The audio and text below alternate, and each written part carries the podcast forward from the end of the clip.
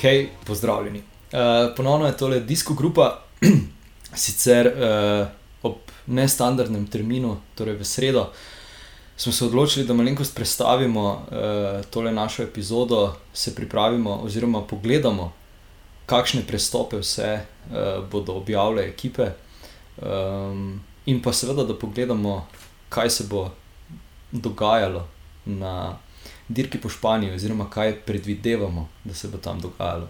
Uh, preden pa začnemo, pa seveda pozdravimo drug drugega. Matej, Martin, Blaž, lepo pozdravljeni. Že. Že. Um, ja, sreda je, uh, vsi prestopi so, bomo rekli, bolj kot ne uh, obelodanjeni. Uh, je katerega, kateri pristop posebej presenetil, da kar, da kar urežemo. ja, jaz sem razočaran, da ni OE objavil še za nobenega, da so ga podpisali, ker smo se kar navadili, da so vsak dan vsaj enega podpisali, danes pa nič, vsaj kot sem zaenkrat gledal. No, Mene je to presenetilo. pa tebe, Martin. Zagotovo žval Almeida, eno od tistih najbolj odmevnih uh, izmed uh, novincev, bi pa še izpostavil Aleksandra Vlasova. No iz uh, Astane v Boro. Tako da Bora se nekako po odhodu Saga nove ekipe znotraj uh, te ekipe in pa Pascal Ackermana nekako preoblikuje in bodo verjetno v naslednjih sezonah izgledali nekoliko drugače. Ok, Matej, pa tebe. Um, mislim, presenečenja. So to presenečenja, ampak poleg tega je Emirates. Um, vidim, da je bilo najbolj živahno bilo dejansko pri Bori Hansgrove. Um, Seveda, kar do znanja je mi ostalo, potem ko so se znebili uh, Petra Sagana ne, za teh 5 milijonov evrov, se da marsikaj kupiti. Uh, in je kar očitno, da bojo imeli dejansko zelo močno ekipo tudi za uh, skupne seštevke. Um, tako da bojo na tono. Ok, ok. Um, ja, zdaj uh, okrepil se je UAE, bom kar izpostavil, ker sem se danes s kolegi pogovarjal ravno o tem, uh, tudi z Georgeom Bennettom, za katerega pa mogoče uh, tako kot ga nekateri zdaj po prestopu opevajo, ni, uh, kaj pa vem. Uh, kaj meniš ti, Blaž, uh, oziroma Martin, pardon, Martin, ti si dvignil roko, kaj meniš ti o tem? Bo, bo pomagal, lahko kaj v vrstah, UAE, v Jumbovizmi, bi skoraj da lahko rekli, da uh, mogoče ni pokazal vsega, kaj zna, ali pa je pač to njegov doseg. Mm, ja, Benet je nepredvidljiv kolesar, to je eden tistih kolesarjev, na katerih se vsaj sam ne bi zanašal za vlogo superdomestika, kajti superdomestik mora biti tisti, ki je tudi v, v preteklosti znal svoje ambicije popolnoma na stranski tir postaviti in pač delati vse za kapetana. Mogoče je Benet dobil nekako obljubo, da bo kapetan na kakšni drugi dirki, kot odeja ne bo. Ampak ja, vlogo superdomestika, seveda mi gledamo ekipo VAE predvsem eh, skozi oči Tadeja, se pravi, kdo bi lahko Tadejo najbolj pomagal. Eh, vsaj, vsaj jaz uh, osebno gledam na ta način in tu bolj kot, uh, kot se že prej omenil, no, že bolj kot uh, Georgea Benneta vidim dodano vrednost žval Almeida. Um, tako tak, dober kronometrist, tako da bo lahko pomagal um, tudi v bistvu v kakšnih, če bo treba da loviti v kakšni vetrovni etapi, kot pa tudi v gorah. Se je izkazal kot uh, zelo dober kolesar, tako da njim bi bo računal, čeprav vemo, da letos je že imel interne boje z Remkom, tako da tudi tu uh, bodo osebne ambicije zagotovo visoke in bodo morali vodilni v ekipi nekako to zbalansirati, da ne bo prišlo do kakšnih izbruhov. Drugače pa ja, ekipa OE se, se krepi, zanimivo, precej tiho je trenutno pri Jumbo Vismi, še vedno ni, vsaj jaz nisem zasledil potrditve prestopa Roana Denisa, um, niti, niti niso razen dveh mladincev podpisali pogodbe z kakšnim novim, tako da tu še mogoče lahko pričakujemo kakšen, kakšen premik. Vsekakor je pa ekipa Jumbo Vismi trenutno dovolj močna, no, da tudi brez nekih tekstonskih premikov se ta, se pravi, prodaja oziroma ne podaljšanje pogodbe z Georgeom Bennettom, vsaj po mojem mnenju, ne bo tako izrazito poznal. Ok, ok. Blaž, izvoli. Je bilo pa zanimivo tudi to, prvo, um, da so se ukrepili um, tudi, uh, kar se tiče sprintov. Um, podpisali so um, torej, uh, mladega Kolumbica uh, Hodža, mislim, da se tako izgovori, nisem 100%. Um, in pa seveda Paskala Ackermana, ki v tej sezoni ni prav veliko priložnosti dobil. Um, mislim pa, da ja, tej ekipi bomo pa nekako uh, vseeno malo več priložnosti. Uh, mislim, da kar na vseh koncih. Uh, tako da, ja, no, uh, je nekako prava biti taka ekipa, ki lahko na, gre na vsaki dirki na zmago, ne da nimajo neke šibkosti. Um, predvsem, ja, Almeida bo, mislim, da naslednje leto na Turu uh, predvsej prav prišel, v primeru, da bo res ekipni kilometr. Um, tako da, ja, tam mislim, da bo zelo prav prišel tudi v boju proti uh, Jumbo Vizmi. Um, kaj bi lahko še omenili? Um, ja, no, Čavez gre v EF Education Nipo, ne? iz Bike Exchange, se pravi, bo skupaj z, uh, z Uranom, kolumbijska naveza. Uh, tako da mislim, da se zna to kar dobro obnesti. Um, Mark Soler, tudi v UAE. Um, ja, tudi on je v bistvu že v preteklosti se pokazal, da zna biti mogoče mečkan težaven. Uh, ampak jaz mislim, ja, to mu vse čas naprej mečem, ampak mislim, da se iz tega tudi on veliko naučil. Pa da, da če se ta zga ne bo prehajal, um, sploh če je dobil primerno številko na mizo, mislim, da s tem ne bo imel težav. Ok, ok. Zdaj mogoče še velja izpostaviti to, da, da uh, se nekako vsi uh, sprašujemo, sprašujejo, uh, kakšna je prihodnost uh, Jana Polanca, ki je lani zgolj za to sezono dobil pri UAE pogodbo, pa zaenkrat. Še ni bilo tudi nič kaj rečenega o kakšnem podaljšanju ali kaj. Um, tako da mogoče še to, še, še to navržemo. Martin, izvoli, povej. Ja, um, Blaž me je v bistvu še opomnil, ko je omenil ekipo Education First. Uh, prihaja Kolumbijec, postavlja se Kolumbijec uh, in sicer uh, Sergio Higita, odhaja v ekipo Bore, smo že prej omenili. Um, Predvsej, predvsej se tudi eh, pomlajuje ekipa Bore, ker vemo, da je v bistvu nasplošno um, Saganova ekipa oziroma Sagan s svojimi ekipnimi kolegi, ki jih iz vsake ekipe sabo potegne, je bil predvsej že v letih in poleg um, Higite prihaja tudi Jay Hinley, ki je lani na Džiru pokazal, da, da, je, da je talentiran in da tudi na njega lahko ekipa računa, letos se sicer nekoliko izgubil, ampak to je nek, eh, nek tak, eh, se mi zdi, prestop, ki bi se lahko v neki novi ekipi, če lahko tako rečemo, se pravi, precej spremenjeni ekipi, izkaže kot zelo dober. Prihaja pa bo, bo tudi Sam Bennett, to smo že omenili eh, v prejšnjih epizodah, sabo bo iz ekipe.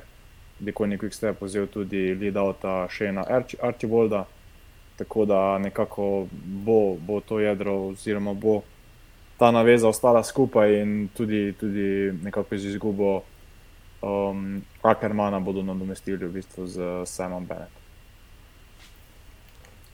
Um, ok, Matej, eh, ti si bil zdaj malenkost uh, tiši, izvoli besedo. Ja, ker sem kar malo zgubljen, ker je to teh prestopov.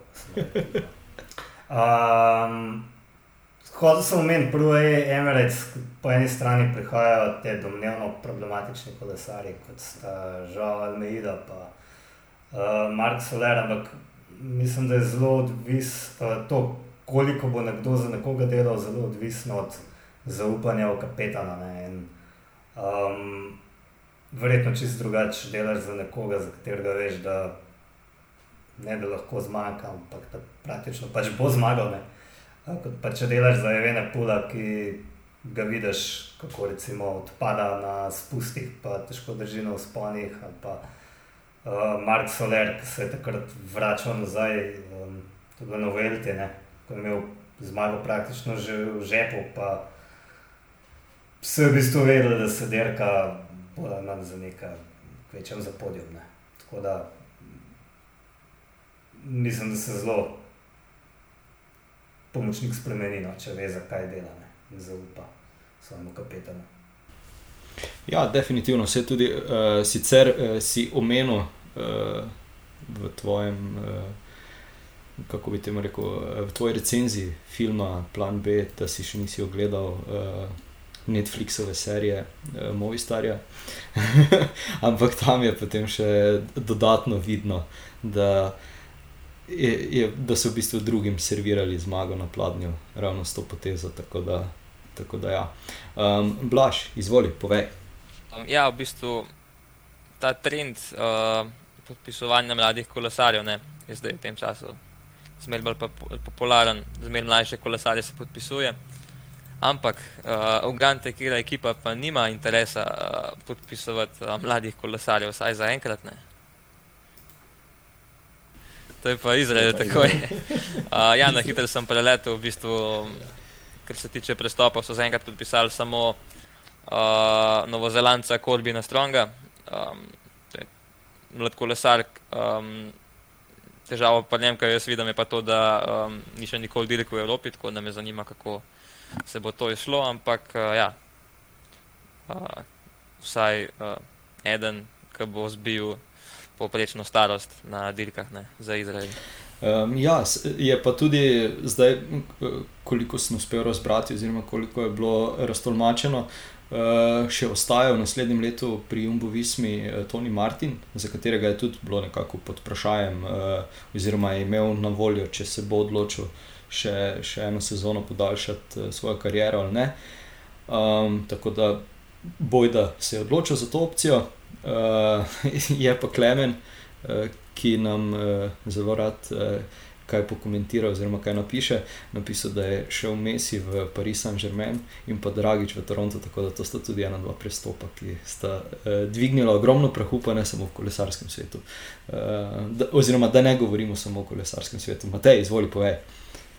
Ko počrtam, gledam, imam občutek, da so se vse ekipe okrepile, ne? da nobena ni šla na slabše.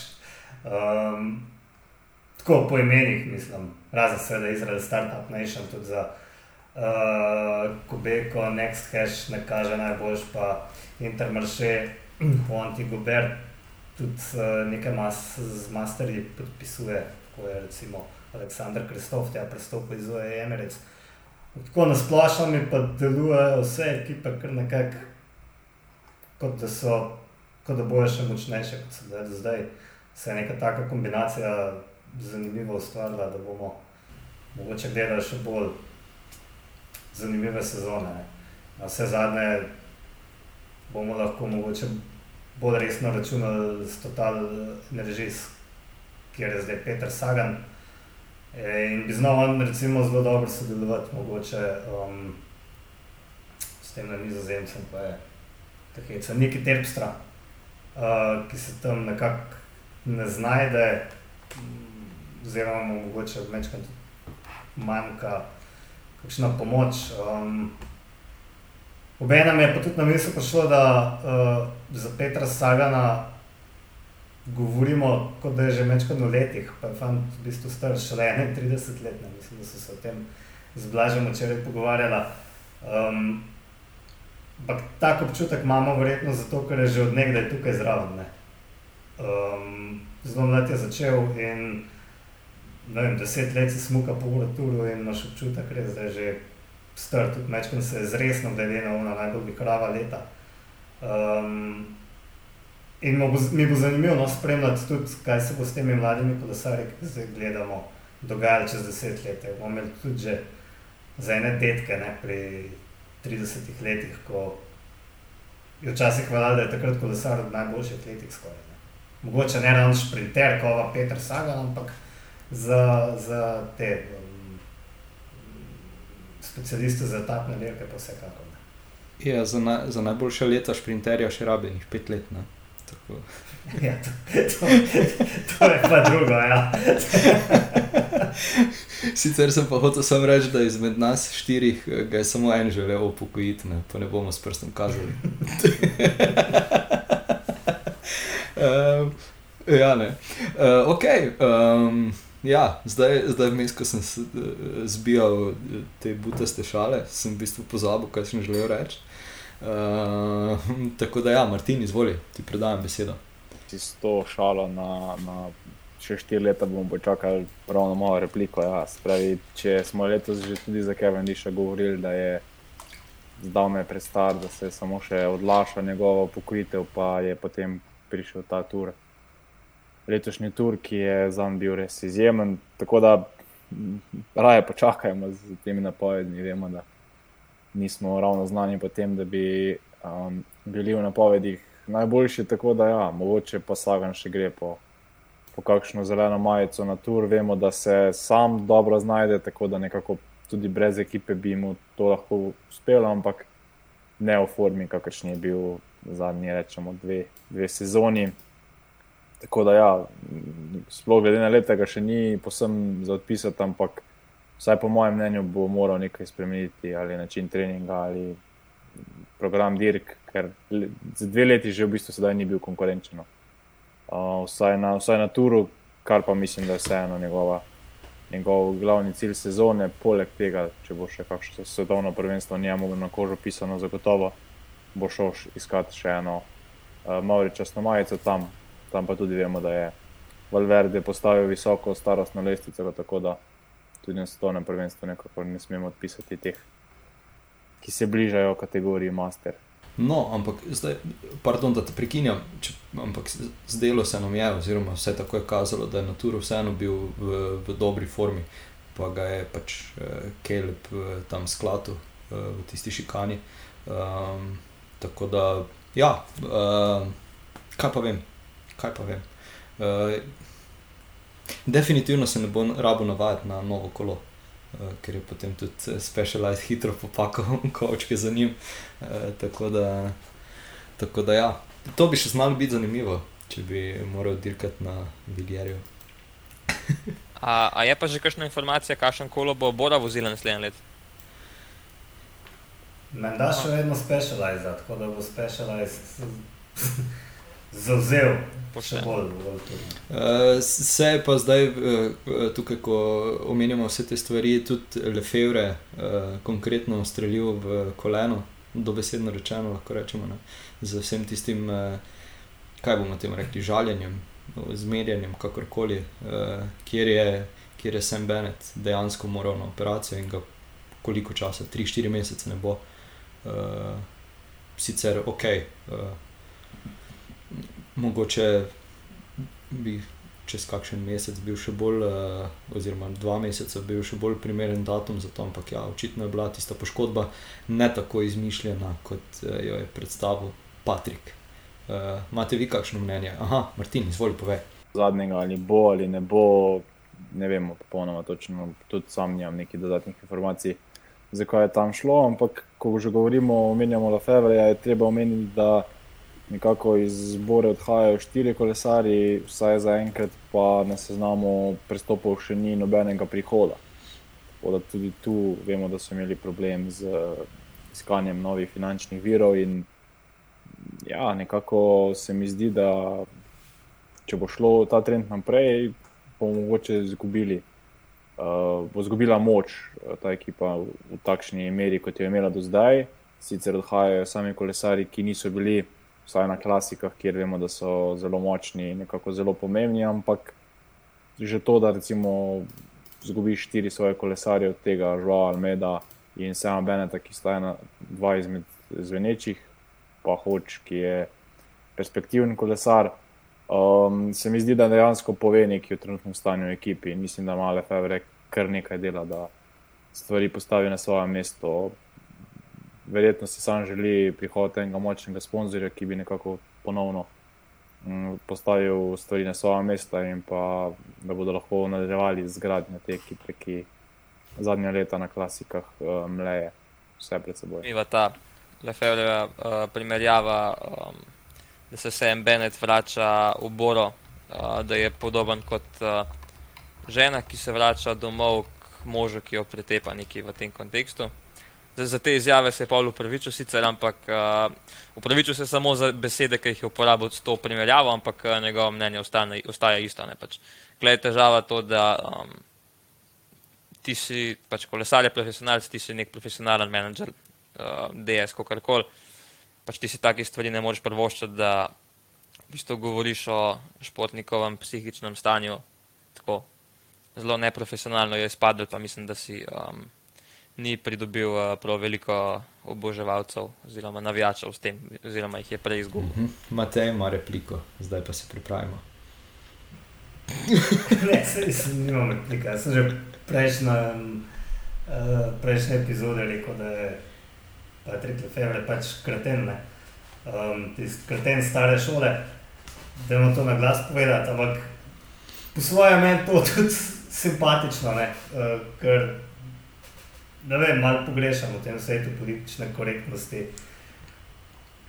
Ljudje kot je on, ne zato, ker bi oni izboljševali svet, ampak ker te ljudje pač obstajajo in bojo nikoli odšli in vedno bodo uspešnejši od tistih, ki so ljudni in politično korektni. Ne. In, um, ne vem, se mi zdi, da kar malo vračajo normalnost v en ta sterilen svet, kjer ne smeš več praktično ničesar reči. Pričemer je seveda jasno, to ne zmanjša um, krtenskosti njegovih izjav. Ne. Bi pa rekel, da seveda, je blazno sposoben menedžer in očitno pa zna iz kolesarja potegniti tudi najboljše. Če se z njimi ujame, če ga najbolj upogajo, to je tak šef, kot je on pričakuje. Ne.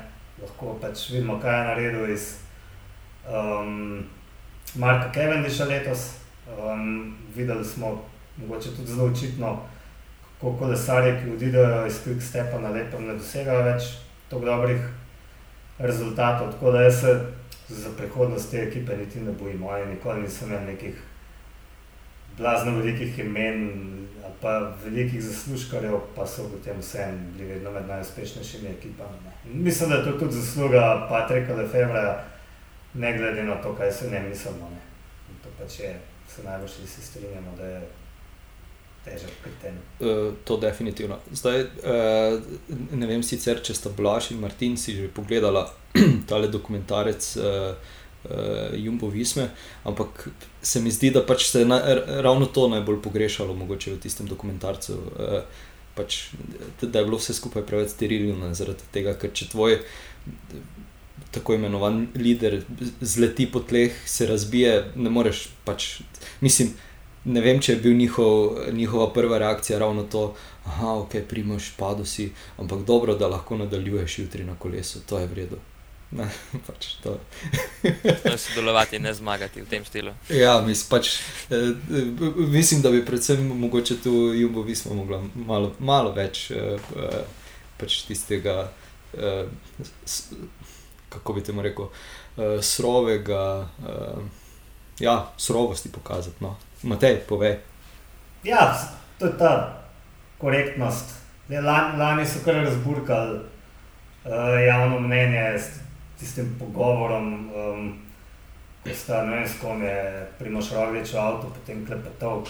Kako je to mogoče, da je um, bil pogačar toliko močnejši nekako v smislu, da to ni normalno, kar so bile skoraj ponovitev Armstrongovih besed, kadar je on rekel, da je nekdo nenormalno, da ti se vedel, kaj misli. In potem je cel svet začel razpredati o tem, da je Jumbo-Vizma s tem na nek način obtožila v Emirates, oziroma pogačale, da se dopingirajo. Um, in mislim, da so pač za svoj drugi dokumentarc poskusili vse skupaj um, večkrat bolj zapakirati. Um, pač povedati manj kot, manj, kot bi pričakoval gledalec. No. Ampak mislim, da je to tudi normalna stvar, ker oni so pač sami sebi naredili dokumentarce. Mislim, to je tako, kot da ne vem. Kot ne vem, se tudi na Tinderju predstavljaš, kot da si blazno lep. Mislim, pač Ali ste kaj hočem povedati? Ne. V bistvu ne, malo več pove. Predstavljaš se, ja, ne, predstavljaš se lepšega, kot si v resnici. Ne, in to je normalno. Da, take dokumentarce je treba malo z rezervo jemati. Ne vem, koliko je to sploh dokumentarni film, ker sem pogrešal malo globlji pogled, ampak se je bolj ali manj. Pa se sestavljali, sestavljali neke zgodbice, ki smo jih mogoče že na Instagramu videli in smo rekli, oh, oh, oh, kako so lušni. Pa se je ravno to, ne, uh, pač to, kar si umenil, glede, glede lanskega. Najbrž pač bi vsak uh, v, v njihovi poziciji vprašal to vprašanje, pa ne ravno z, z, nam, pač z namigovanjem na kakršen koli doping, ampak pač, valjda, da se vprašaš, fakt, kako je to mogoče, ne, je nekaj vseeno. Ampak ja, Martin, povej, kaj ti meniš? Ja, v bistvu ta plan B z movi starimi dokumentarci, sicer ne vem, koliko je tam Netflixova zunanja ekipa imela vpliva na. To, oziroma koliko imajo pri ekipi nekako pri scenariju ali pa potem pri katerih izsekih iz, iz same dirke se pošlje, ampak tam pri movi starju res vidimo par tistih kočljivih trenutkov, ko se pravzaprav že skoraj da tudi v avtu vidimo, direktor je popolnoma. No. Sicer temperament eh, španske ekipe se z nizozemsko, vsaj potem, um, ko smo videli v teh dveh uh, dokumentarcih, ne da primerjati, ker res tam ekipa Movistarja preklinja, res jih tako, da ne poskače vsi iz avta, medtem ko tukaj m, slišimo trikrat fuk in to je vse. Primoš pade drug, prvič, fuk, primoš pade drugič, fuk, fuk. In potem tako si ti omenil, zagotovo to niso neka realna čustva njihova. Vsaj ne bi smela biti. No. Dejansko celo leto delaš in v dveh etapah ti gre vse na robe. Oni so pa dejansko bili ok, ni nam šlo najboljš, gremo zdaj naprej. Ne, jaz mislim, da to ni. To res ni, ni bilo tako, no, mislim, da je bilo to že skoraj na meji za igranga. Uh, kar se tiče pa te um, namigovanja na dopingu, mi je pa prav v tem plan B tudi uh, posnetek iz eh, prvega kronometra, uh, ko sporočijo v Nertu, da je bil, da je bil Pogačar uh, 30 sekund hitrejši od njega, res njegova reakcija je ona odkot. Pač. To, so, to so te stvari, ki se vidi, da niso zaigrane. In potem tudi na, na prvi gorski etapi v, v Alpah, ko dejansko dobi 4 minute prednosti pred glavnimi pretendenti, potem dejansko vidiš njihove izraze, ko so vsi začudeni. In to so stvari, ki pač vemo, da niso zaigrane. Potem tiste večerje, eh, pa na avtobusu govori, to pa, to pa vsaj po mojem mnenju so bili precej zaigrane. Uh, ja, mogoče se njim, uh, so se mogoče tudi njim zbrisali kakšni posnetki iz GoPro-ja, tako kot uh, Movi Stari, ki, ki so imeli incident znotraj, znotraj snemanja epizode, za katerega sploh svet ni vedel. Ampak ja, ok. Uh, da, da ne bomo preveč zašli, da ne bom preveč peljal v drugo smer, uh, še velja omeniti, kakšen prestop. Uh, bi, se je mogoče vseeno kaj pričakovalo, uh, pa, pa ni bilo napovedano. Uh, bi si vi koga želeli videti v kakšni drugi ekipi, recimo Blaž? Ja, pač v bistvu zaenkrat še zdaj več nismo videli vseh predstopov, um, velikih še pride. Um, ampak ja, no. Um, Kot je že materijo, vse ekipe se bodo ukrepile, um, tako ali pa drugače. Um, predvsem s temi mladimi kolesarji. Um, ja, mogoče velja omeniti en prestop, ga že, za katerega smo videli že nekaj časa nazaj. In to je, uh, da je šel Ajuso, se pravi španski kolesar, letos prvič, um, se pravi lani je še kot mladinec, letos prvič kot član, oziroma kot 23. Uh, in v bistvu ja.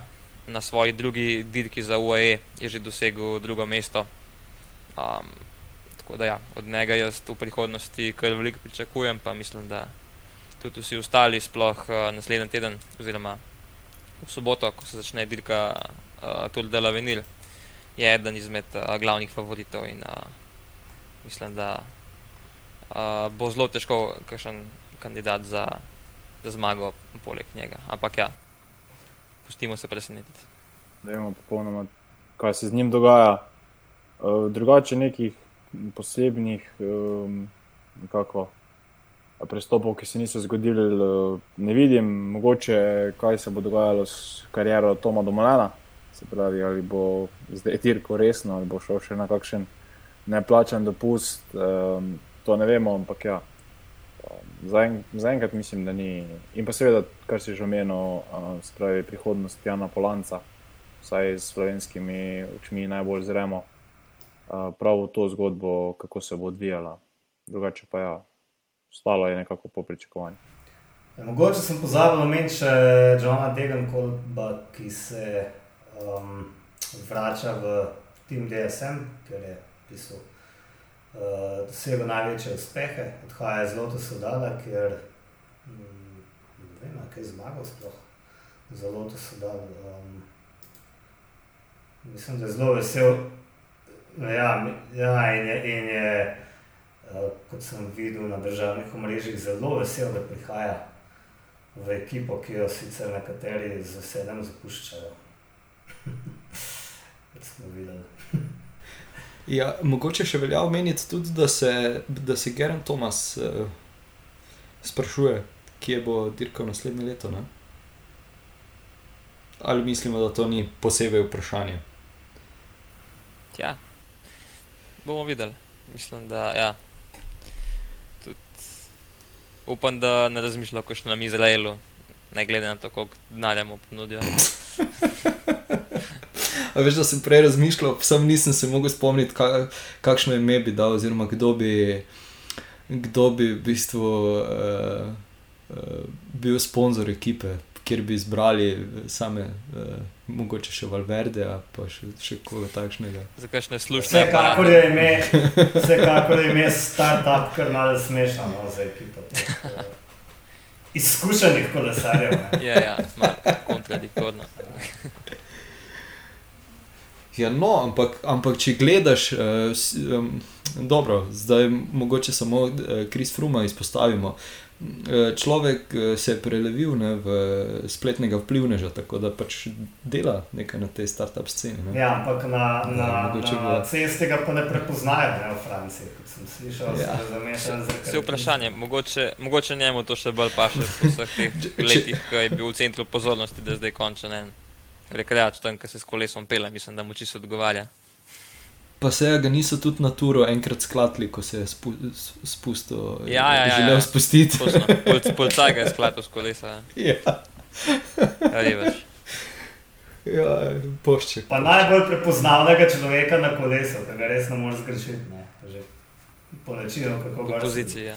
Je postavil zdaj vplivne za neke čudne firme in malo nebrandirane nebrendirana oblačila in očitno se ga ne spoznajo. Ne? Tam v Franciji vemo, da je bil problem, ker je imel nek popolnoma črn uh, držni plašč in ga niso prepoznali, zdaj je očitno spet ne v klubskih barvah, tako da ja, očitno mu, mu ta nova vloga še ne leži najbolj. Vse bo. Samo da sem malo pohvalen, Martin, mene da spoznajo, tudi če nimam klubskega. Res je. Res je. Na lastni, na lastni, na lastni. Res, za kateri klub pa voziš? Ja, ne vem, ni, ni, ni ga. Ne, tisti ale, tisti ale. Vsak je pa drugačen. Hoče povedati, da ne glede na to, kaj obleče, ga ljudje spoznajo in to se strinjam na lastni koži. Pa ena senca z imenom Blaž je bila za njemu takrat. Ja. ja. Tudi legende v tem govorijo. Črno oblečena, tudi kot frum. Jaz mislim, da za naslednji rojstni dan ti moramo kupiti uh, tisti dres, ki ga imaš v Čipolini, uh, mišice, uh, da boš tisto nosil. Sam Čipolini, brez majice. ja, či, či, Čipolini še ja, ne, bomo, ne bomo v to smer zašli. um, ok, um, Blaž, ti si že napovedal, uh, oziroma nakazal smer, torej uh, pričenja se tudi dirka uh, Lavenir. Povej nam kaj več. Jaz moram priznati, da, da si kaj dosti nisem pogledal. Um, ja, no, za tiste, ki mogoče ne vejo, kje dirka je to, to je v bistvu um, največja dirka za 23 kolesarje. Uh, v bistvu imenujejo tudi kar Tour de France za, um, za 23 kolesarje, tako da je. Um, nek prestiž na tej dirki zmagati in v bistvu vsi zmagovalci te dirke so zdaj med, uh, med profesionalci. Tudi uh, Bernal Soler, Quintana, Čavez, Pogačar, se pravi vsi te kolesarji tukaj so zdaj uh, med profesionalci, tako da um, je tukaj zelo velika želja narediti nek rezultat. Um, tudi Slovenija je letos tukaj zraven, um, skar lepo kvoto sicer. Um, sta pa v bistvu neka glavna kolesarja na tej dirki Kristjan Hočevar, ki bo nekako po mojih informacijah šel kar na generalni seštevek. Um, in pa uh, Matej Žgovekar, ki se je sploh v zadnjih uh, parih tednih uh, izkazal, predvsem v zaključkih etap, da zna dobro sprintati. Uh, tako da mislim, da bo sta ona dva uh, glavna aduta za rezultat narediti. Uh, je pa tukaj tudi zelo pomembno, da je ekipa močna, ker uh, mislim, da uh, bo na sporedu tudi ekipni kilometr, kar naredi v bistvu vso zadevo še malo bolj zanimivo. Uh, je pa tukaj, ja, kot sem že prej omenil, izrazit favorit uh, Juana Juso. Uh, edini, ki mu mogoče lahko prekrižem načrte, se mi zdi, da je Filipo Zana, um, ki je tudi um, enim izmed kolesarjev, ki je v zadnjem času kar v dobri formi. Um, je pa zanimivo, ja, Španci imajo v bistvu na to dirko prihajajo z ekipo, ki je sestavljena iz, uh, iz samih profesionalcev, razen eden kolesar, ni med profesionalci, ostali so pa vsi v bistvu iz profi ekip, uh, ki so stari do 23 let in v bistvu lahko profesionalci nastopajo na tej dirki. No, um, je tukaj res od tistih, um, se pravi, iz najnižjega ranga, kot profesionalci se tukaj na tej dirki srečajo. Tako da, um, ja, tudi to bo zanimiva dirka za spremljati, uh, če, slučajno, če komu slučajno Vuelta ne bo zadost. Ja, zdaj, zdaj bom imel pod vprašanje, ker še nisem uh, tudi na tega gledal, uh, kje se je vodalo spremljati, tega, ker zdaj tudi dirke po polski ne moremo spremljati na GCN playerju. Uh, tako da, ja, če imaš kak, kakšno informacijo več. Um, ja, takrat, ko je ta zdaj zmagal, vem, da smo na Eurošportu gledali vsaj te zadnje dve etape. Um, drugače pa ne, dobro vprašanje, pa uh, se bom tudi spozanimal. Ampak ja, mislim, da vsaj kakšna etapa bi na Eurošportu mogla biti. No. Vsaj do zdaj je v zadnjih letih, mislim, da je bila. Ok, ok. Uh, moram priznati, da me to kar jezi, da, da si ne moremo uh, določenih dirk pogledati, kljub temu, da smo se odločili. Uh, uh, potegniti kartico, ali kako bi temu rekel, uh, za, za ogled tekem brez reklam. Uh, tako da, ja, Matej zdaj veselo uh, išče, upam, da tudi kaj najde. Ja, se ne kaže, da niti delke pa venirijo, ne bomo gledali na GCN-u. Um, kaže, da ne. Ja. In mimo grede sem ugotovil, da mi je potekla na večino. Še to. Zdaj je 40 evrov. Še to. Še ta udarc. uh, a, evo, uh, in takoj, uh, takoj uh, ekonomsko propagandno sporočilo, da so od danes naprej na voljo Uelta majice, uh, da, da izkažete svojo podporo podcastu in da Matejo kupimo naročnino, ne? oziroma sponzoriramo zraven za naročnino. Uh, ok, uh, gremo torej na Velto. Mislim, ja, ne gremo, ampak dajmo kaj povedati o njej. Uh, Matej se je zelo potrudil in na, na portalu Runda.si opisal podrobno uh, vsako etapo posebej. Zdaj, jaz verjamem, da če se mi spustimo v 21 etap, da bomo tukaj sedeli do jutra. Uh, ampak ja, uh, Matej, bom kar tebi predal besedo, no, pa bom rekel, uh, kako bi povzel uh, zdaj, še preden se je začela, uh, dirko pa mogoče malo strasa.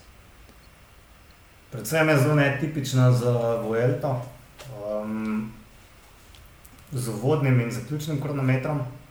Uh, uvodni bo bolj um, krajši, 7 km, um, nekako. Um, bo poskrbel za minimalne razlike med favoriti za skupni seštevek. Uh, kronometer v zadnji etapi je pa zelo dolg, 34 km, vozil ne bi ga okrog 40 minut, bolj ali manj ravninski, sicer se večkrat uspenja, um, pa večkrat spušča, ampak uh, ne bistveno in mislim, da se bo okrog tega kronometra pravzaprav vrtela cela dirka, ker vemo, da je glavni favorit tisti, ki je zmagal tudi kronometer na olimpijskih igrah. In uh, vsi ostali bodo poskušali se pred to zadnjo etapo, um, se bodo poskušali čim bolj oddaljiti, zato bodo imeli sicer ogromno priložnosti. Um, kot vedno je um, zelo veliko gorskih etap, ki so razporejene čez vse tri tedne, in tako je recimo zaključek na dolgem klancu že v tretji etapi. Um, pa potem v uh, petkovi in nedeljski. Um, se mi zdi, da ključna je pa potem prav, um, to je 19. ki se konča na uh, Altudel Gamoniteiru, to je nov klanec, ki je prav v bližini veliko bolj znanega Angliruja. In nekateri pravijo, da je celo težje. Uh, Vzpon sicer ni tako uh, konstantno strm kot na Angliru, je pa, je pa menda celo mečkan daljši in moram tako so uh, kar zahtevni, neki 14 odstotni odseki vmes, prav zelo nikjer ne popusti. In to bo zanimivo, ker smo videli, da je recimo na Angliru lani kar pa spravil Rogliča v težave, tako da je nekaj časa kar zelo slabo kazal, pa je uh, Roglič pregrizel do konca.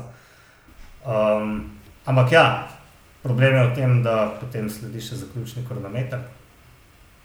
Um, in posebnost je recimo to, da se ta ne bo dogajal v Madridu, ampak bo cilj v Santiago de Composteli. Uh, tako da to je en tak odmik od klasične vojelte. Mogoče omenimo še to, da ne bo obiskala Pirenejev, spravo Pirenejev sploh ne bo, niti enkrat se ne bojo uspeli čez 2000 metrov, um, kar pa ne pomeni, da bo dolg čas. In bistveno ogromno bo priložnosti za sprint, te so sicer zagoščene, predvsem v prvi tretjini ali pa prvi polovici dirk. Vsega skupaj ne bi gledali šest sprinterskih etap, takih res klasičnih sprinterskih, ker skoraj ne more priti do tega, da bi uh, zmagal Bežnik. Um, kar mogoče da je za spremembo priložnost, da zeleno majico na koncu tokrat pa res obleče kakšen šprinter, ki se nam bo dobil pribrcati do cilja. Um, seveda samo v primeru, če bo imel eno dobro serijo, kot je recimo Cavendish na Turu, um, in v primeru, da ne bi preveč pridno se eden od favoritov vse čas uvrščal med prve tri. Ne. Ker razporeditev točk um, je na Vojelti pač taka, da nikakor ne favorizira šprinterjev. Ker so vse etape enako vredne. Okay. Zdaj, eh, da, da se vrnem na tisti lanski Angliru, eh, lahko samo upamo, da ne bo spet nekdo eh, namestil napačne kasete za katero sem danes še dodatno enkrat dobil potrditev, da je bila napačno nameščena. Tako da uh, ja, uh, lahko to potrkamo po lesu. Uh, drugače pa, ja, moje vprašanje, pa si, pa si nekako že to povedal, uh, je bilo ravno to, če morda kdo ve, kako to, da letos odmik od uh, Madrida. Um, tako da ja, uh, nisem, se, nisem se še sam posebej poglabljal v to. Ali, pač je to zgolj na ključe ali je, ali je kakšna posebnost uh, tukaj zadaj. Tako da, ja, Martin, izvoli, povej. V Madrid, ne v Madrid, um, ne vem, zgleda, da so si želeli nekoliko spremembe. Uh, ampak ja, bolj, bolj mi me preseneča to, kar je Matej omenil, se pravi, precej sprinterskih etap, uh, možnost um, sprinterjev, da um, za spremembo enkrat oni vzamejo mm, pač za najboljšega po točkah. Pogledam pa malce na listo sprinterjev, bi pričakoval nekako tudi bolj zveneče imena. Tu nekako precej odstopa Arno Demar, um, ki mu bosta verjetno največji, največja konkurenta Jasper Philipsen in pa Fabio Jakobsen, ki je pokazal, da prihaja v dobro formo. Um, upajmo tudi na neki priložnosti za, za Luko Mezgeca, da bo prišel do nekaj takšnih etap, ko so zaključki nekoliko težji, um, da bi kolesar njegovega kova lahko recimo, prišel do, do odmevnega rezultata. Tako da to zagotovo uh, se Luka zaveda. Um, tako da njemu in tudi vsem ostalim našim uh, na tej dirki želimo, seveda, zagotovo čim boljše rezultate.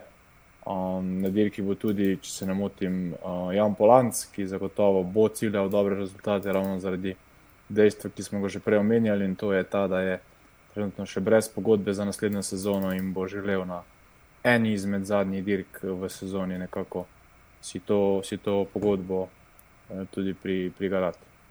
Je bila Vojta zmer, vsaj meni bolj zanimiva kot Artur, um, že po sami trasi tako nekako se mi zmed zdelo, da se več dogaja, tako da jaz upam, da bo tudi letos tako. Um, kar se tiče sprinterjev, bi samo omenil še eh, Toma Pitkoka, um, ki sicer vse ne vemo, kaj pa je on, sej, je sprinter sploh, ampak. Uh,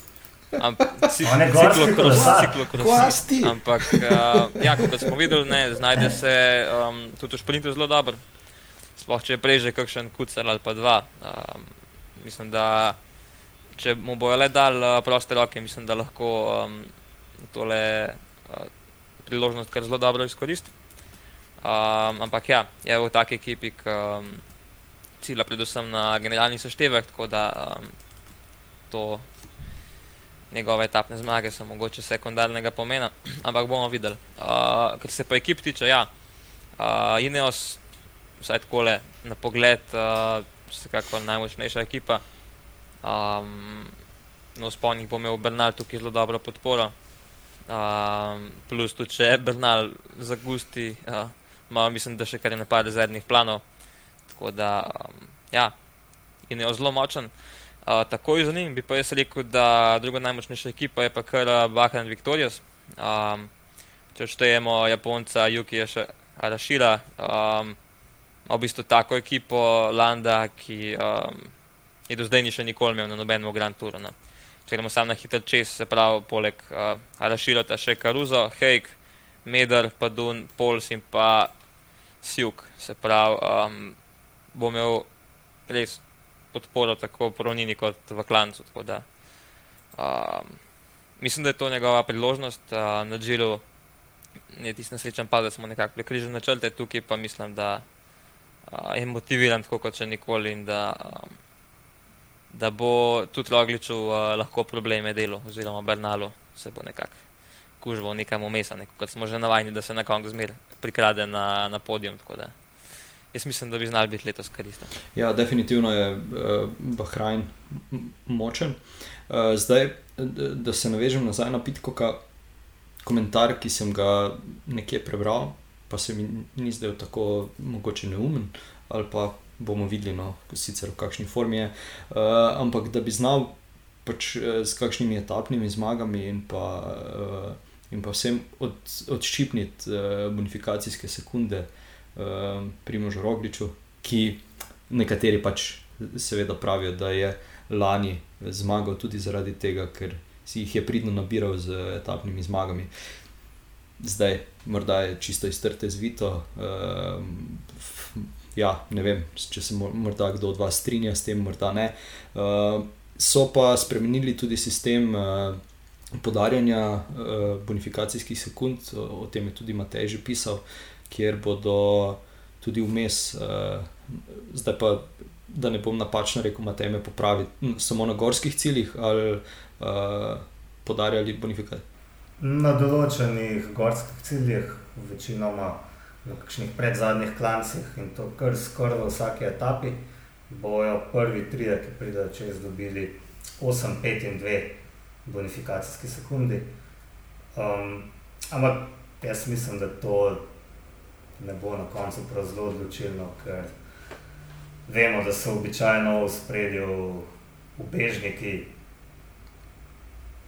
Pa ja, naslednja zgodba je, ja, lahko Zdaj, lahko da mu bo, uh, da bo um, ta, ta malo, kaj je, ta malo. Pitcock, prvak, Pitcock, lahko da, Pice. lahko da, lahko da mu bo ščepnil sekunde, lahko pa tudi, tudi ne, ne, ampak tukaj se mora v bistvu dogajati obratno. Um, Egan Bernal mora pridobivati uh, te sekunde v primerjavi z Rogličem, ker sicer bo na zadnjem kronometru matrta predlane. Tako da tukaj bi moral bolj poskrbeti, da Bernal neko prednost ustvarja. Ne. Um, zdaj, ali mu bo to uspel, bomo pa videli. Ne. Definitivno. ja. Um, Blaž, ti si prej vmes dvignil roko, želel repliko povej. Ja, en kup pritožb je bilo tukaj, um, predvsem južnoameriških, uh, ja, uh, glede teh bonifikacijskih sekund, ne da je v bistvu Roglic zmagal samo zaradi tega, ampak se bonifikacije si moč nekako zaslužiti, ne in pač kako si jih boš drugače zaslužil, če pobiraš zmage, pa si med, pač med prvih tri vsako etapo skoraj. Um, in pač, če pa to ni zaslužena zmaga, pa pa, pa, pa jaz tudi ne vem. Tako da, um, ja, no, s to neko novo uvedbo teh um, odbitih sekund, pa mislim, da bi znal biti vse skupaj še nekako malo bolj zanimiv, da se mogoče tole razmetavanje začne dogajati že kaj prej, kot samo na zadnjem klancu.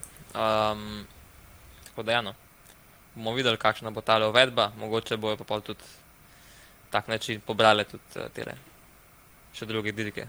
Te bonifikacije nekje proti zaključku so zagotovo neka motivacija uh, vsem pretendentom za generalno razvrstitev, da že prej nekako se spopadajo med seboj. Mogoče je to slabost za tiste, ki računajo na, kakšne, na ubege. Um, vsekakor pa mislim, da bo Pitkok imel vseeno kar težave pobirati te bonifikacije, ker to pomeni, da bo mogel priti v zaključku z, skupaj z spravi, favoriti. Seveda na nekih malce manj zahtevnih etapah je to zagotovo možno, um, dokler se bo lahko držal uh, z njimi, bo zagotovo v sprintu uh, glavni favorit, ampak mislim pa, da v tistih resnejših etapah nekako ne more računati, sploh pa ne uh, več dni zapored, tako da njega, vsaj jaz osebno vidim na etapah, ki so nekoliko bolj zahtevne, da ne pridejo vsi sprinterji zraven, hkrati pa pride velika skupina. Um, v cilj, kar se pa tiče teh razlik, ne, ali bo spet tudi letos razlika manjša kot. Uh, Da bi v bistvu odločile bonifikacije, pa upam, da bo, da bo ta oba kronometra, sicer prvi, precej kratek za, za naš okus, uh, naredila dovolj razlike, da, da primoš te, te razlike potem ne bo, oziroma prej ne bo nabral prevelike razlike in bo zadnji kronometer, če ne bo v spredju, pa da, bo, da bodo lahko tam nadoknadili vse, kar, kar mora. S temi cilji za bonifikacijske sekunde, mislim, da bolj tako, da če zelo odvisno od tega, kje so postavljeni ne, te cilje. In vprašanje je, bojo razmišljali, da se jim sploh splača, ne vem, recimo, da se splača neki eh, moštvu, pol ekipe pokurt za to, da polovijo ubežnike, samo zato, da potem mogoče um, pridobijo nekaj bonifikacijskih sekund. Ne. Um, ali je bolj, da šterijo z močmi, pa poskušajo potem čim višjo razliko narediti, recimo na zaključnem klancu, oziroma v zaključku etape. Ne. Um, kot vidim, zdaj so v bistvu te bonifikacije marsikje uh, kar na letečem cilju, kar utegne vse skupaj še malo bolj zakomplicirati, oziroma bolj verjetno v tem primeru sploh favoriti za generalno ne bodo šprintali, ker bi se morali meriti šprinterji, ne, recimo potencialno. Um, to je ena taka novost, ki se jaz ne bi upal biti zelo preveč pameten, da bo uspela ali ne. ne. Um, videli smo, da je bilo že na turu, par teh ciljev z bonifikacijskimi sekundami, pa z izjemo tistega, če kaj je bilo to na turu, kdo je to šprintal? Je bilo na turu. Na Džiru. Na Uh, Džiru je bilo, ne, ja, na Bernal Džiru je pa Rem, Remko. Bernal pa Remko ste šprintali in je bilo v bistvu čisto zabavno, ampak obenem mal, malček smešno. Ne. Uh, ja, Džiro je bilo to. Ja. Um, tako da, ja, to bomo videli. Kar se pa Pitcoka tiče, pa jaz mislim, da tukaj bolj vprašanje, ali ima kakšno možnost, da um, obleče belo majico, oziroma da bo tekmoval za ta seštevek. Zdaj, dobro, v ekipi ima Bernala, ampak če se njemu kaj zelo, pa po mojem, že dosti blizu Pitko, ki ga omenjajo kot enega potencialnega favorita za um, generalne zmage na etapnih dirkah, ne? kar se nam mogoče zdi mečkan hecno, ampak hecno se nam je zdelo tudi, ko je razlagal, da bo nekoč zmagal kakšno veliko dirko v ciklokrosu, pa mu je potem to dejansko uspelo lani v Gavreju. Um, Večkrat hecno se nam je zdelo, ko se je napovedovalo, da mogoče lahko zmaga na olimpijskih igrah, pa mu je tudi to uspelo. Tako da možakar je en tistih res vse stranskih fantov, um, ki ni bolj popularen samo zato, ker je večkrat v senci Nerte in Matija Vendrpuda. Um, ja, kaj bi lahko še povedal? Ugante, kdo je najstarejši kolesar na Vuelti. Če upate. Hm, naj pomislim. ja, pa ni iz Izraela, zanimivo. no.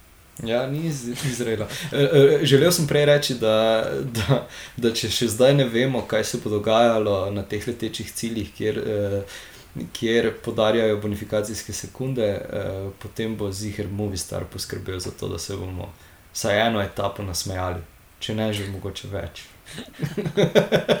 Ja, lahko bojo pa vsi sprintali ne, za ekipno razvrstitev, ne, se nikoli ne veš, odmovi stari.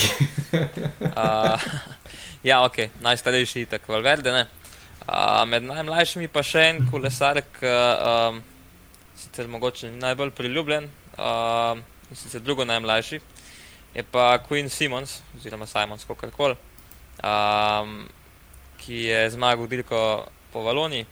Um, in ja, lani, vemo, je bil suspendiran strani Treka zaradi enih neprimernih izjav na Twitterju, rasističnih ali kako koli.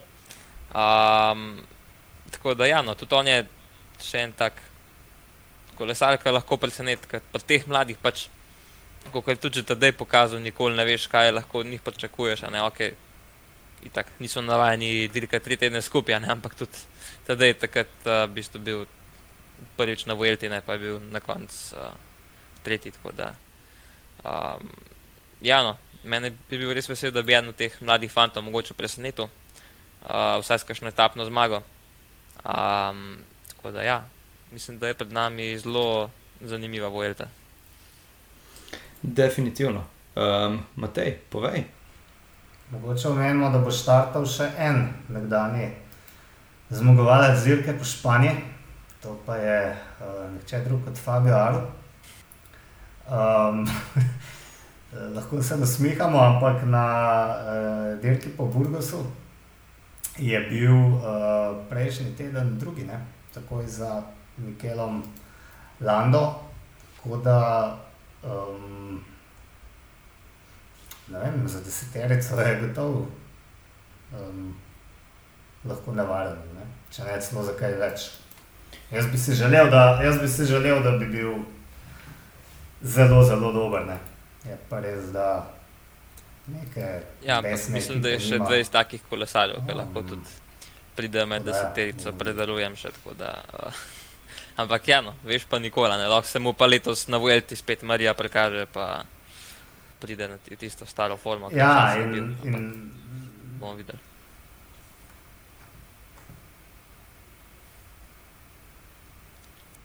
bolj verjetno je, da bo spet kaj priklinjal.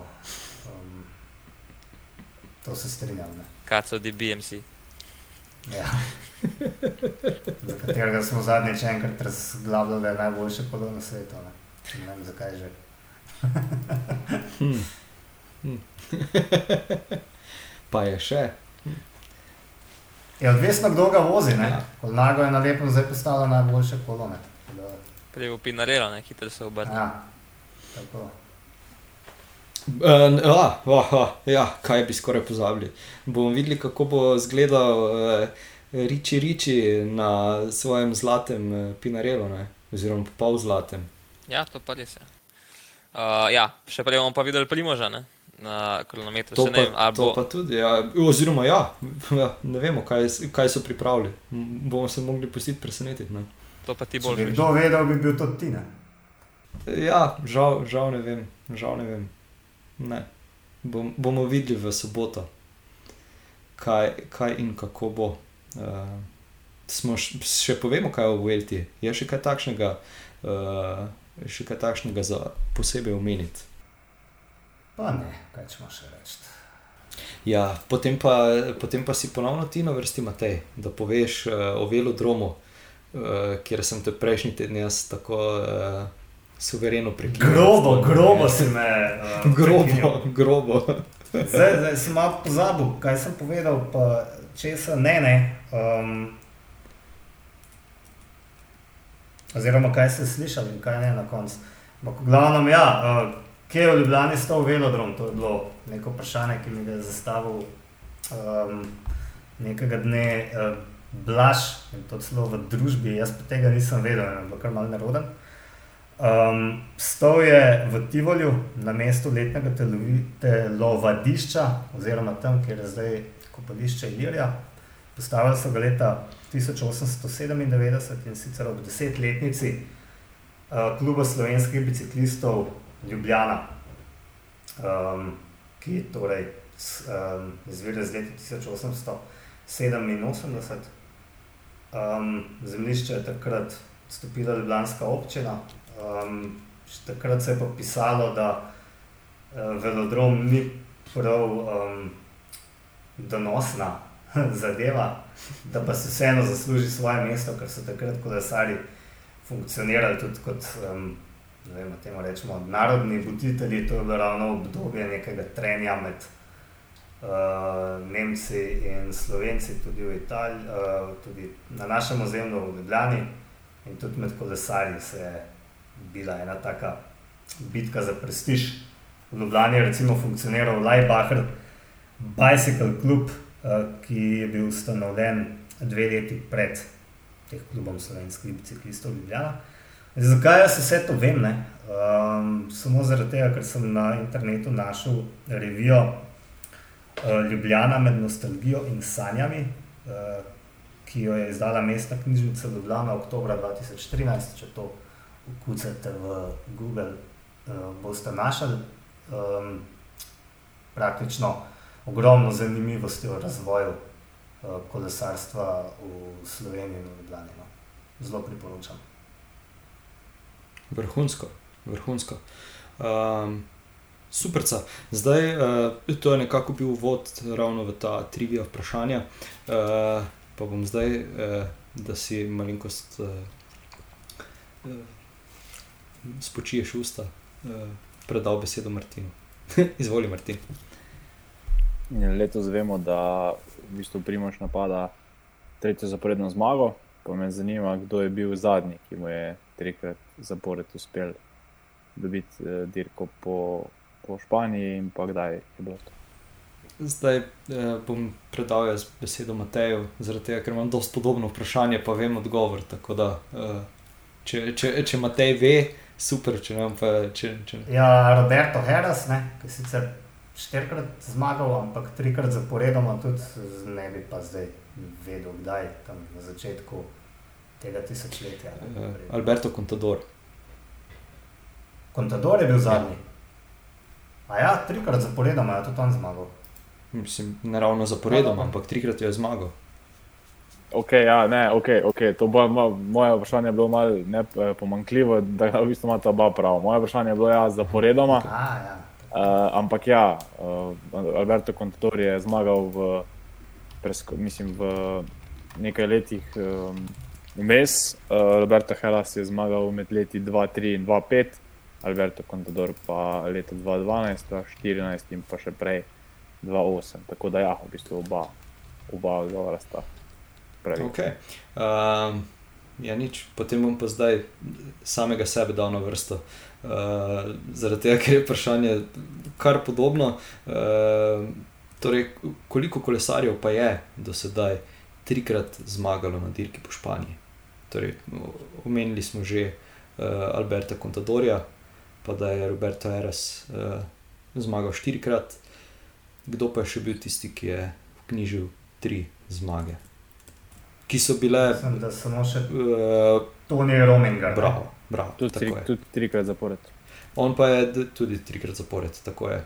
Uh, zdaj, tukaj sem si ja še izpisal, da je Roberto Eras sicer bil leta 2005, uh, uh, so mu odzeli zmago, zaradi tega, ker uh, se je izkazalo, da bi naj njegov uh, vzorec urina bil pozitiven na eritropoetin, torej na EPO, ampak so potem leta 2012 uh, mu vrnili njegovo eh, zmago, uh, zaradi tega, ker je sodišče razsodilo v njegovo korist, torej, da so bile neke napake uh, v samem postopku. Tako da ja. Mo- Si bomo vsi po svoje to razlagali. ne? Ja. Matej, evo, sedaj si pa ponovno ti na vrsti. Ja, zdaj so v zadnjih letih se Vuelto zmagovali, um, v- predvsem na gorskih etapah, bili so pa časi, ko se je zmagovalo predvsem z različnimi kronometri. In mene zanima, kdo so bili najuspešnejši kronometristi na tej dirki. Um, povejte mi, recimo, enega no, od treh najuspešnejših. Upam, da boste vsaj enega zadela. Ja. Um, Je kak španc med njimi, Tudi eden, ja. pa ta ni Miguel ja, Indurain. Ne, ni mi Miguel Indurain, sem prav pogledal, niti enkrat ni zmagal kronometra okay. na VLT. To črtamo. Uh, Ja. Jaz moram priznati, da sem iz sanja. a je kančelara vozil? To so kar 90, 90 Ja. leta, ne, ne, Ok, če da ni vozil. Um, po šest zmag so zbrali že omenjeni Tony Rominger, uh, Alex Cile in Abraham Olano, kot španec, se pravi prva dva Švicarja. Um, Tony Rominger je v bistvu trikrat zmagal generalno, kot smo že rekli, Alex Cile dvakrat in Abraham Olano enkrat. Um, oni so v bistvu dominirali skozi 90. cela 90 leta. Um, um, to je pa to, kar imam zapovedati. No. Primoš Roglič ima dve zmagi na kronometrih, eno z leta 2019, eno od lani. In letos ima v odsotnosti nekih vrhunskih kronometristov, kar zelo dobre možnosti, po mojem mnenju, da um, se piše na seznam teh najboljših kronometristih ne, s štirimi zmagami.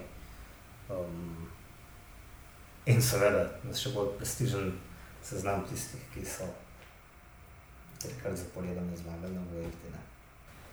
Ja, uh, naporni tri tedni nas čakajo, kolesarje še malenkost bolj kot nas, ampak ja. Uh, A, to ti misliš, da je ne bo. Ne. Kaj pa to se samo vozijo vsak dan teh. Edino vroče bo, to pa Vroče bo, bo, ne, vročina je bo, pa, pa je grozljiva. Ja, um, bomo videli. Ne? In bomo že v, v bistvu v nedeljo vedeli več, kot ve, vemo sedaj. E, malenkost več bo že jasno, tako da e, se pustimo presenetiti in pa ja, se slišimo v nedeljo, kaj ne? Tako. Absolutno. Lepo bodite, uh, Blaž, uh, morda, mi, morda mi sedaj kaj sporoča, samo to še vidimo.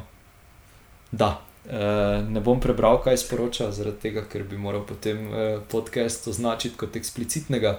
Uh, tako, tako da ja.